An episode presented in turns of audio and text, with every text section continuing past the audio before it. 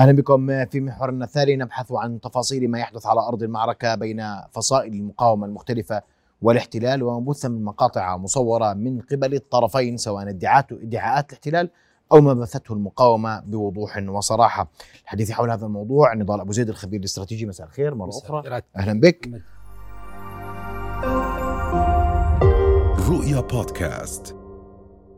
ونبدأ من آخر فيديو نشرته كتائب المقاومة. نعم. تحديدا القسام وأوضحت فيه جملة من العمليات العسكرية التي آه، تظهر في منطقة خان يونس تحديدا. تفضل. أستاذ محمد آه، أسعد الله مساءك أنت ومشاهديك الكرام. اليوم آه، كانت هناك حزمة كبيرة من المقاطع تعزز مصداقية المقاومة. هذه المقاطع اللي ظهرت مع الأمس رفعت معنويات المقاومة أكدت على ال ال النتائج التي تحققها المقاومة على الأرض.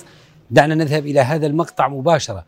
لاحظ بداية عملية آه، رصد الدبابات وهي داخلة باتجاه محور آه، التقدم ثم آه، بعد انسحاب هذه الدبابات تم قصفها وهي منسحبة. إذا ما ذهبنا إلى هذا المقطع بالتحديد نعم. وهذا كان أقوى قد يكون أقوى المقاطع التي بثتها المقاومة منذ انطلاق العمليات قبل ال 83 يوم. عملية خروج المقاوم من النفق, النفق وصوله إلى الدبابة. ركوبه على الدبابة اختيار المكان المناسب وهو المنطقة بين البدن والبرج وهي أضعف منطقة في الدبابة. ولاحظ قام بنزع فتيل التلغيم بالنسبة للعبوه الموجودة وهي عبوة شواظ وقام بتفجير الدبابة. لم يتم ولم يستطع أي جندي من الجنود الموجودين داخل الدبابة وأكاد أجزم أنهم يشاهدون المقاوم لأن المركافه فيها تكلمنا كثيرا فيها كاميرات من الداخل تستطيع الرصد لدرجة كان هذا تساؤل. أول ما بث الفيديو. يا نظام بيك معلش. نعم. طيب اين اين أين الجنود؟ لا يستطيعون أي تصرف. هم الدبابة في حالة وقوف وبالتالي الأمر أو القرار الموجود أمامهم فقط تحريك الدبابة تشغيل الدبابة تحريكها والهروب من موقعهم. لكن هذه الدبابة نتكلم عن دبابة وزنها 40 طن عملية تشغيلها واحمائها ومن ثم التحرك بها تحتاج وقت هذا المقاوم استعجل بعمليته دخل وضع في المكان طب ليش ما في جندي؟ معلش اسمح لي أنا بدي أرجع للمقطع سيعود المقطع بعد قليل. ليش ما في جندي فوق لأن لهم تجربة لأن لهم تجربة سيئة في وجود الجنود في الأبراج في برج الدبابة. مجرد وجود الجندي في برج الدبابة يتم قنصه. اذا هم طب طلعوا يعني يعني هذه عملية معقدة جدا. عندما يخرج المقاوم يرصد الدبابة. النفق ما حدش شايفه مثلا؟ يعني هذا النفق أنا أعتقد أنها عبارة عن كمائن موجودة في مناطق خان يونس. وعلى لسان الاحتلال نفسه أعلن أن منطقة خان يونس مليئة بال, بال يعني هو هو, هو طلع وأخذ اللغم وتحرك على الدبابة. وصل إلى برج الدبابة. ولا ولا حد في برج الدبابة محل رشاش موجود على برج طيب. الدبابة. وبالتالي هذا يعطي مدلول أن الجندي الإسرائيلي يخاف حتى الخروج إلى خارج برج الدبابة واستخدام رشاشه لأنه وجوده خارج برج الدبابة لهم تجربة سيئة. قبل آه، آه، فترة شاهدنا عملية قنص الجنود وهم خارجين الدبابة فبقوا داخل الدبابة على اعتبار أن الدرع قد يحميهم. ولكن وصل الجندي ووضع آه، عبوة الشواظ نعم. وقام بنزع الفتيل بكل بساطة وعاد وصور المقطع. طيب. الاستهداف المتكرر لجرافات الاحتلال ودباباته والحديث بوضوح عن آه، هذه مستهدفة من قبل آه، جاءت آلية أسحبها تم استهدافها دلائل ذلك عسكريا نعم. الآن عمليات الإخلاء والإنقاذ للآليات عمليات معقدة جدا خاصة في منطقة قتال مثل هذه المناطق. اليوم شاهدنا أحد المقاطع تم تدمير الجرافة وتركت الجرافة وعزز بمقطع أن الجرافة لا تزال النار تشتعل فيها منذ ثلاث أيام نعم. وبالتالي أصبح الاحتلال لا يستطيع الدخول للقيام بعمليات الإنقاذ لآلياته بسبب التعقيدات العملياتية الموجودة في المنطقة والمخاطر، اذا أصبح يضحي بآلياته على أن لا يضحي بمخاطرة سحب هذه الآليات آه، التي تم تدبيرها كليا أو جزئيا. الأمر الآخر قد يكون قوات الاحتلال أصبحت لا تستطيع نتيجة المخاوف الموجودة لديها للدخول لسحب آلياتها، وبالتالي المقاومة وضعتهم في حالة رعب شديدة جدا من خلال بث هذه المقاطع التي أصبحت تنعكس على الجنود، بالمناسبة اليوم 83 يوم والمعنويات لدى جنود الاحتلال منخفضة جدا. أنا أتكلم هذه الجرافة هذه الجرافة. اللي تم استهدافها سابقا تم استهداف. وجاءت جرافة ل آه، آه، يعني التعامل معها وتم استهداف الجرافة الثانية. وبقيت الجرافة ثلاث أيام تحترق وتم تعزيزها بمقطع سيظهر بعد قليل أن الجرافة بقيت ثلاث أيام تحترق. وبالتالي هذه المقاطع التي تعزز مصداقية المقاومة وتوثق هذا. سائر الاحتلال هذا عملية احتراق الجرافة. وثم مقطع آخر يعزز أن الجرافة مكثت أو بقيت ثلاث أيام في موقعها دون إخلاها. هذه العمليات يعني تشير بكل صراحة وبكل شفافية إلى أن المقاومة لا تزال تتمتع بقدرة عالية جدا على مواجهة الاحتلال وعلى توثيق آه، خسائر الاحتلال وعلى عكس مصداقيتها على الشارع العربي والشارع المتابع لما يحدث لما يحدث في غزة. لاحظ الاحتراق داخل هذه الجرافة. بالمناسبة الجرافة آه، من يتكلم أنها ليست عالية القيمة. لا هي عالية القيمة عندما نتكلم عن جرافة الدي 9 آه، نحن نتكلم عن 14 مليون ثمن هذه الجرافة. هي من الأسلحة الثقيلة لدى قوات الاحتلال وتم تصنيعها امريكيا اسرائيليا مشترك.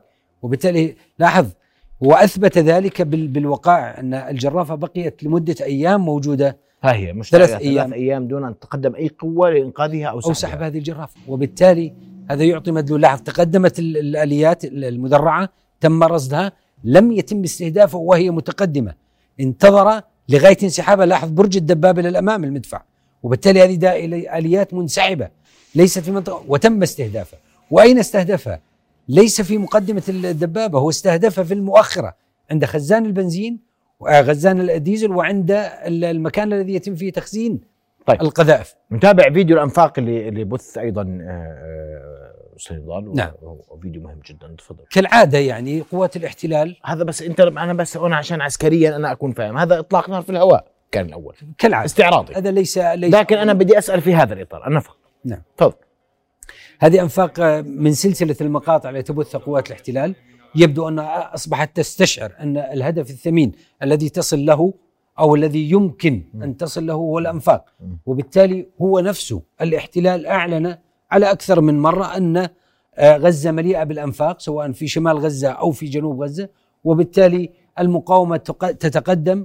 وتنسحب وهناك كر وفر في العمليات وبالتالي لا ضير من قوة مجحفلة بهذه الضخامة التي تتشكل من عشرين ألف جندي وخمس فرق أن تصل إلى جزء من أنفاق المقاومة وتقوم بالاستعراض بها على أنها استطاعت الوصول إلى نصر عظيم داخل هذه الأنفاق. لم نجد لم نشاهد لم نتابع أي عمليات قتل لمقاوم أو القبض على مقاوم داخل هذه الأنفاق. كل ما شاهدناه أنفاق خالية تم رصدها ومتابعتها والدخول فيها على عكس المقاومة تماما التي ترصد عملياتها تعزز عملياتها بمقاطع وترصد جنود آه، الاحتلال وتوثق أنها قامت باستهدام استهداف جنود الاحتلال. نعم. بالتالي أنا أعتقد أن الرسالة الإعلامية لدى المقاومة لا تزال تتفوق على آه، قوات الاحتلال رغم الماكنة الضخمة الإعلامية الذي يملكها الاحتلال لأنني أعتقد أن في الوسائل البدائية البسيطة لا تزال المقاومة تتفوق ليس فقط آه، عسكريا على الأرض وإنما أيضا اعلاميا آه، أمام قوات الاحتلال. هذا عملية التفجير والتي استعرضت فيها قوات الاحتلال انها فجرت هذه الأنفاق بالكامل. نعم هذه تمديد للأسلاك وهذه عملية التلغيم آه، للنفق ليتم تدميره وبعد ذلك يتم عرضه بمقاطع أنه تم تدمير نفق وتم الوصول إلى نفق لكن ما القيمة المضافة التي استطاع الاحتلال الحصول عليها. مش عشان نتفق من هذه الأنفاق. نقول أنا مش هو قال أنا والله في العملية العسكرية سأدمر أنفاق غزة؟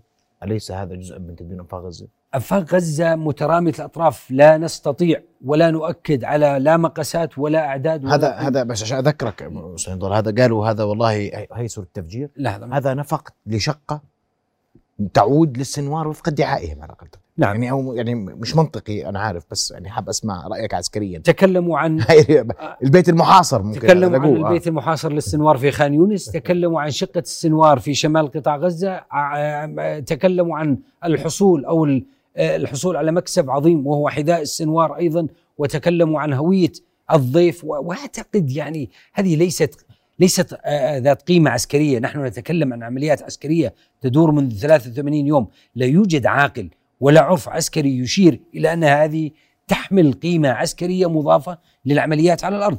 أين الماكنة الجراره العسكرية الجراره التي تتقدم من قبل قوات الاحتلال لتحقق نصر في مكان ما وفي موقع ما ضد مقاوم ما؟ كل ما قاموا في عملية قصف لمقاوم يوم أمس وقاموا بالترويج لها من خلال طائرة مسيرة وانعكست عليهم لما قام به هذا المقاوم وهو يستشهد. عندما قام بالركوع على الأرض وهو يستشهد. من خلال تصويره بطائرة درونز وبالتالي لا يوجد قيمة عسكرية مضافة لمثل هذه الأهداف. نحن نتكلم عن عمليات عسكرية وجيوش تتقدم ومدرعات تتقدم وطائرات تضرب على الأرض. إذا أعطيني قيمة مضافة واحدة أضافتها عملية حصول الاحتلال على مثل هذه المواقع أو مثل هذه الأهداف. لا قيمة مضافة لغاية الآن وأنا أؤكد على ذلك ولكن كل ما يريد الاحتلال الوصول له هو عملية رسم طيب. صورة لنصر معين. آخر فيديو الطائرة التي تم آه، آه، السيطرة عليها من قبل المقاومة. هذه من سلسلة الطائرات وهذه ليست أول طائرة يسيطر عليها من هذا النوع. نعم. سيطر قبل ذلك على طائرة آه، أخرى. قام المقاومة بتفكيكها وقامت المقاومة بالتأكد أنها لا تحمل أي شيء ومن ثم استحوذت عليها واستحوذت على المادة الفيلمية.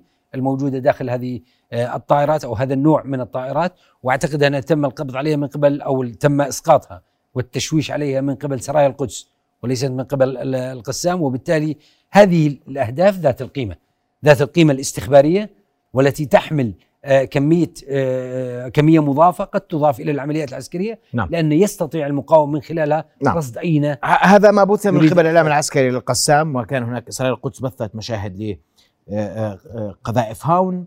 نعم. آه، صواريخ أطلقت من شمال قطاع غزة في رسالة أن الشمال لم يسقط بعد ولن يسقط في يد الاحتلال. وأذهب معك مباشره إلى الخرائط. آه، يعني لازلنا نتكلم عن خسائر ترتفع م. آه، إصابات ترتفع أسرى تقتل لقوات الاحتلال موجودين لدى المقاومة قبل دقائق من الآن. تم في بعهد العمليات محاولة تحرير تحرير أسير. تم قتل هذا الأسير وبالتالي لا إنجازات على الأرض لقوات المقاومة. لا تزال لقوات الاحتلال. لقوات الاحتلال عفوا. لا تزال قوات الاحتلال تمنع آه، المقاومة تمنع قوات الاحتلال من فض الاشتباك، الاحتلال يريد ويضغط جاهدا في محاولة لفض الاشتباك مع قوات المقاومة لأنه يريد سحب آه، آه، الويتو أو سحب الوحدات المدرعة وخاصة في شمال قطاع غزة. لغاية هذه اللحظة لم تعطي له مجال قوات المقاومة بسحب أو فك الاشتباك معها حتى تعطي له فرصة بسحب وحداته وإحلال وحدات أخرى قد تساعد هذه الوحدات في إدامة زخم الهجوم. الاحتلال يفقد إدامة الزخم الاحتلال يفقد المبادرة في العمليات العسكرية وكلتا النقطتين في العرف العسكري مهمة جدا لأن إدامة الزخم يشير إلى أن الاحتلال يملك القوة على الزج بالعملية العسكرية وتحقيق نتائج.